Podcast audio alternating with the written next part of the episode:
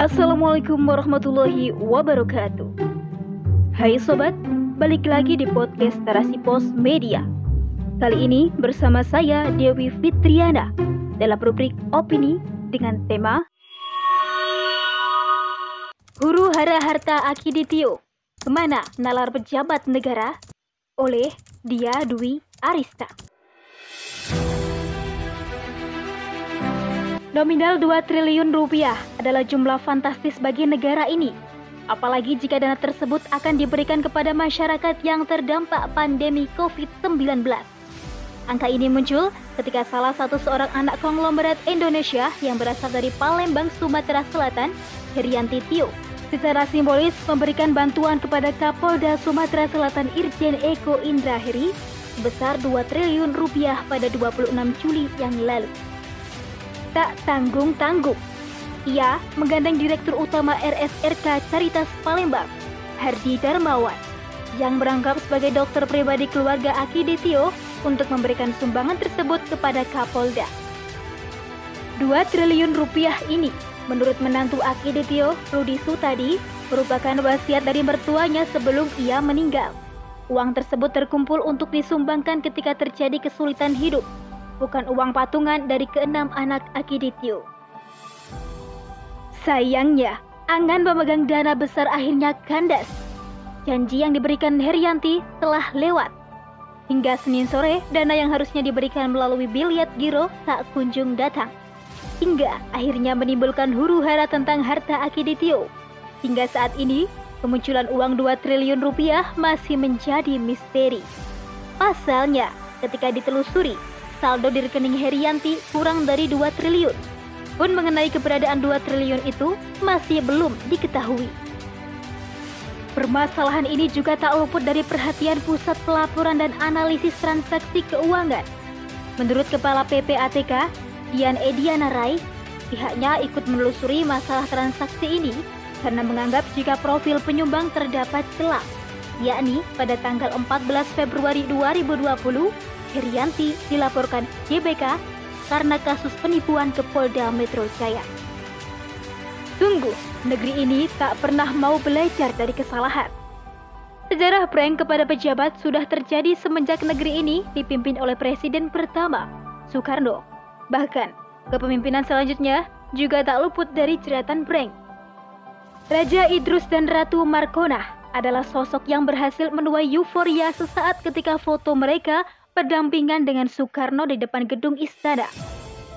Mereka mengaku sebagai raja dan ratu dari suku anak dalam, Jambi, yang mempunyai kekuatan untuk menyelesaikan konflik di Irian Barat. Tak hanya publik, wartawan hingga pejabat menyambut baik kedatangan dua orang tersebut.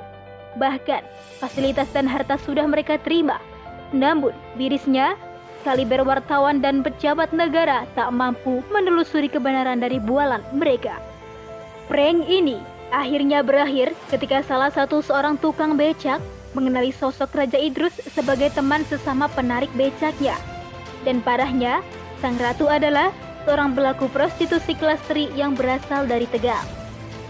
Tak hanya di masa Soekarno, di era Soeharto pun para pejabat terkena prank dari perempuan asal Aceh yang bernama Cut Zahra Fona.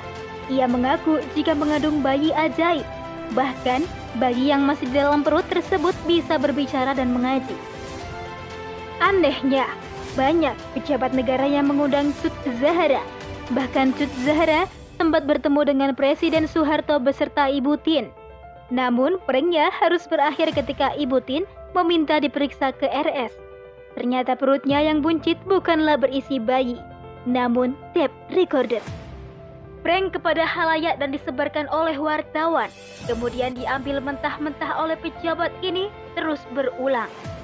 Di rezim ini, prank kepada pejabat dan awak wartawan pun sering terjadi. Publik tidak akan lupa kasus plagiasi oleh anak SMA. Hingga berminggu-minggu, media baik televisi dan online memberitakan kehebatan seorang siswi dengan keberaniannya speak up tentang agama warisan. Hingga Orang nomor wahid di negara ini pun sukses terkena prank. Lalu, kasus hoax politisi Ratna Sarumpait juga semakin mempertegas jika akal sehat pejabat di negara ini perlu dipertanyakan.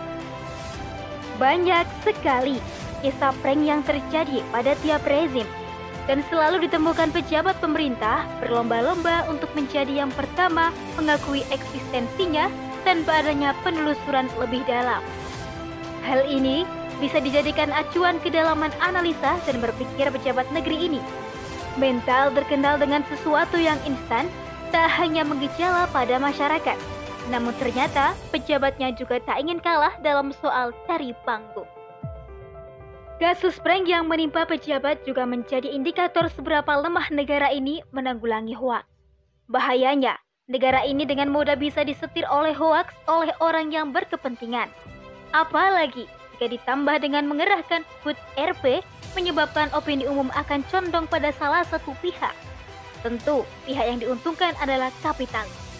Karena tidak mungkin bisa menyewa HUT RP jika tidak punya modal yang besar. Pemerintah yang mempunyai instrumen-instrumen paling lengkap seperti PPATK dan BIN harusnya lebih mampu menelisik harta warganya, apalagi hingga triliunan. Apakah selama ini pajak telah terbayar?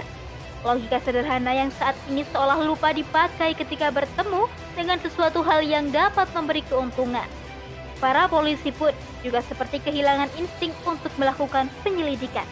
Sungguh mirip.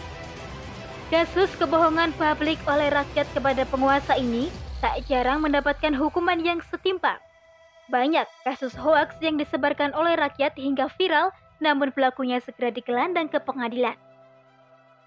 Berbeda kasus jika yang menyebar hoaks adalah pejabat atau bawahannya.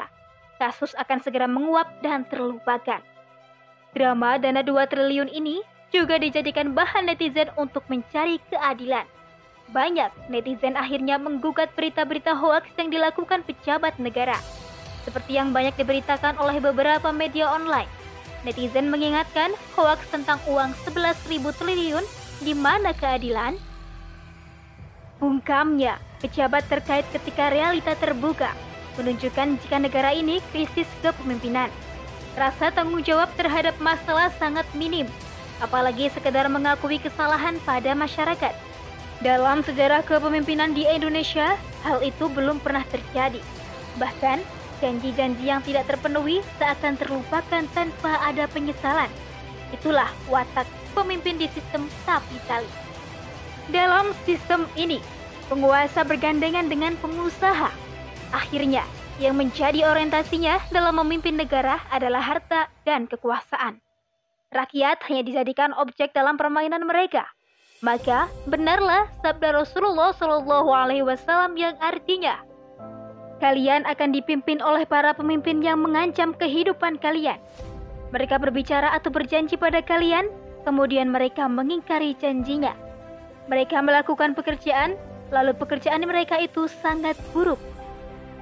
Mereka tidak senang dengan kalian hingga kalian menilai baik atau memuji keburukan mereka, dan kalian membenarkan kebohongan mereka serta kalian memberi pada mereka hak yang mereka senangi. Hadis riwayat Tobradi. Pemimpin dalam Islam diibaratkan sebagai pengembala. Imam yang diangkat untuk memimpin manusia itu laksana pengembala. Ia akan dimintai pertanggungjawaban terhadap gembalaannya. Hadis riwayat Bukhari. Dari tangannya lah ia menunjukkan jalan yang benar kepada gembalaannya ia juga senantiasa mengawal dan mengawasi gembalaannya agar tak satu pun dari gembalaannya tertimpa musibah. Gambaran ini adalah gambaran seorang pemimpin. Dialah yang bertanggung jawab mengurus rakyatnya. Pemimpinlah yang pertama bertindak ketika rakyatnya terancam, baik secara fisik maupun non-fisik. Pemimpin dalam Islam juga tak sembarang mengambil berita. Ia akan melakukan tabayun atau mencari kejelasan berita yang didengarnya agar tak terjadi kesalahan saat mengambil tindakan. Pemimpin tak hanya menanggung bebannya di dunia saja, namun semua kepemimpinannya juga akan dipertanggungjawabkannya di akhirat kelak. Maka dari itu, pemimpin tak hanya harus mempunyai kredibilitas, namun juga keimanan yang tinggi dan ketakwaan kepada Allah dengan menjalankan hukum-hukum Islam dalam pemerintahannya. Wallahu alam bisawab.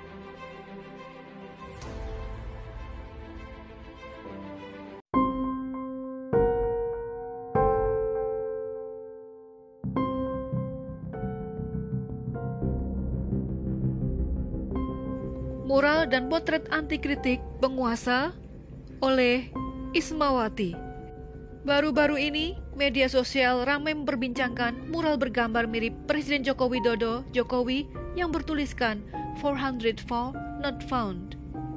Pembahasan atau cuitan tentang mural itu menjadi trending topik di Twitter dengan tagar Jokowi 404 not found.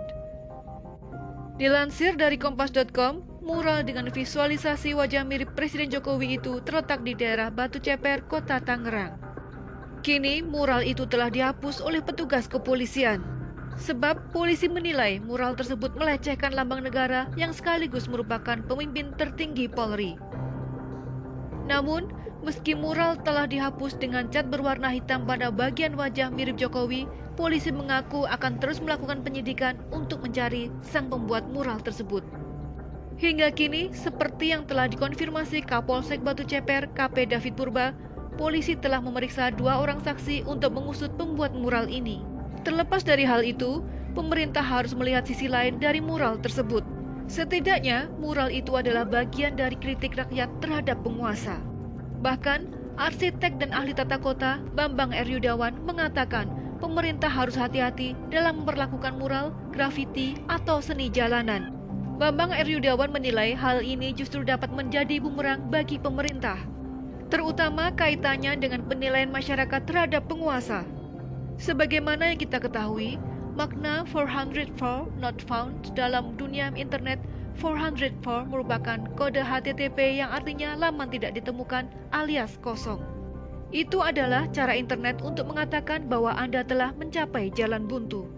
Pesan error ini muncul ketika server tidak bisa menemukan hal yang diminta klien. Pesan ini sering muncul ketika kita mengakses internet namun permintaan kita tidak bisa diselesaikan oleh server. Lip service kebebasan berpendapat dalam demokrasi. Padahal, jika kita melihat kebebasan berpendapat merupakan bagian dalam demokrasi, nyatanya Kebebasan berpendapat dalam sistem demokrasi hanya sekadar omong kosong para pengusungnya. Kebebasan berpendapat hanya boleh diberikan kepada mereka yang pro terhadap rezim, sementara yang kontra tak segan-segan untuk diberantas. Upaya represif dilakukan untuk membungkam siapa saja yang kritis terhadap penguasa. Alhasil, kebebasan berpendapat hanya berlaku untuk segelintir pihak saja. Ditambah lagi, Sistem sekularisme sebagai paham yang menjauhkan kehidupan dari agama semakin membuat pemimpin jauh dari syariat Islam. Halal dan haram tak jadi soal karena kekuasaan senantiasa untuk para kapitalis semata, bukan kepentingan rakyatnya. Maka wajar, sikap kritik rakyat kepada penguasa bisa dianggap ancaman karena mengancam kekuasaan rezim. Bahkan, pakar arsitek dan ahli tata kota R. Yudawan mengatakan bahwa pemerintah seharusnya tidak bersikap represif. Pemerintah harus memaknai mural ini sebagai seni dan media seseorang dalam mengemukakan pendapat. Oleh karena itu, jika pemerintah mau berkaca dari pesan yang tersirat dari mural tersebut, yakni ke mana penguasa saat dicari oleh rakyatnya, ke mana penguasa yang dulu mengelungulkan suara rakyat, saat ini rakyat Indonesia tengah berjuang menghadapi pandemi yang tak berkesudahan. Akankah pemerintah mendengar jeritan perut-perut kelaparan yang tak terkendali? atau suara napas-napas pejuang yang tertatih bertahan hidup di tengah sakit yang mendera, atau suara penatnya bertahan hidup di tengah minimnya lapangan pekerjaan demi nafkah keluarga. Islam jalan hidup. Sementara di dalam Islam, kritik merupakan ajaran Islam karena bagian dari amar ma'ruf nahi mungkar. Sebagaimana firman Allah Subhanahu wa taala, "Kamu adalah umat yang terbaik yang dilahirkan untuk manusia, menyuruh kepada yang makruf dan mencegah dari yang mungkar dan beriman kepada Allah." Quran Surat Ali Imran ayat 110. Rasulullah SAW menyatakan bahwa aktivitas muhasabah kepada penguasa ini adalah bagian dari syariat Islam. Terlebih jika mengoreksi kezalimannya dilakukan pemimpinnya. Hadis riwayat Abu Dawud dan Ahmad berkata, Rasulullah SAW bersabda, ada seorang laki-laki mendatangi Rasulullah SAW seraya bertanya, jihad apa yang paling utama? Rasulullah SAW menjawab, kalimat hak kebenaran yang disampaikan kepada penguasa yang zalim. Telah banyak tercatat dalam sejarah para pemimpin pasca wafatnya Rasulullah SAW sebagai orang yang tak anti kritik. Sebagaimana kisah seorang khalifah kedua Umar bin Khattab yang menerima kritikan seorang wanita yang disampaikan di depan umum ketika beliau menetapkan batasan mahar bagi kaum wanita. Beliau bahkan berkata, wanita ini benar dan Umar salah. Kehadiran pemimpin yang bertanggung jawab penuh kepada rakyat saat ini sangat dibutuhkan. Sebagaimana karakteristik pemimpin Islam yang berpegang teguh terhadap Al-Quran dan As-Sunnah. Pemimpin dalam Islam adalah pemimpin yang terdepan melindungi rakyat dengan sepenuh hati.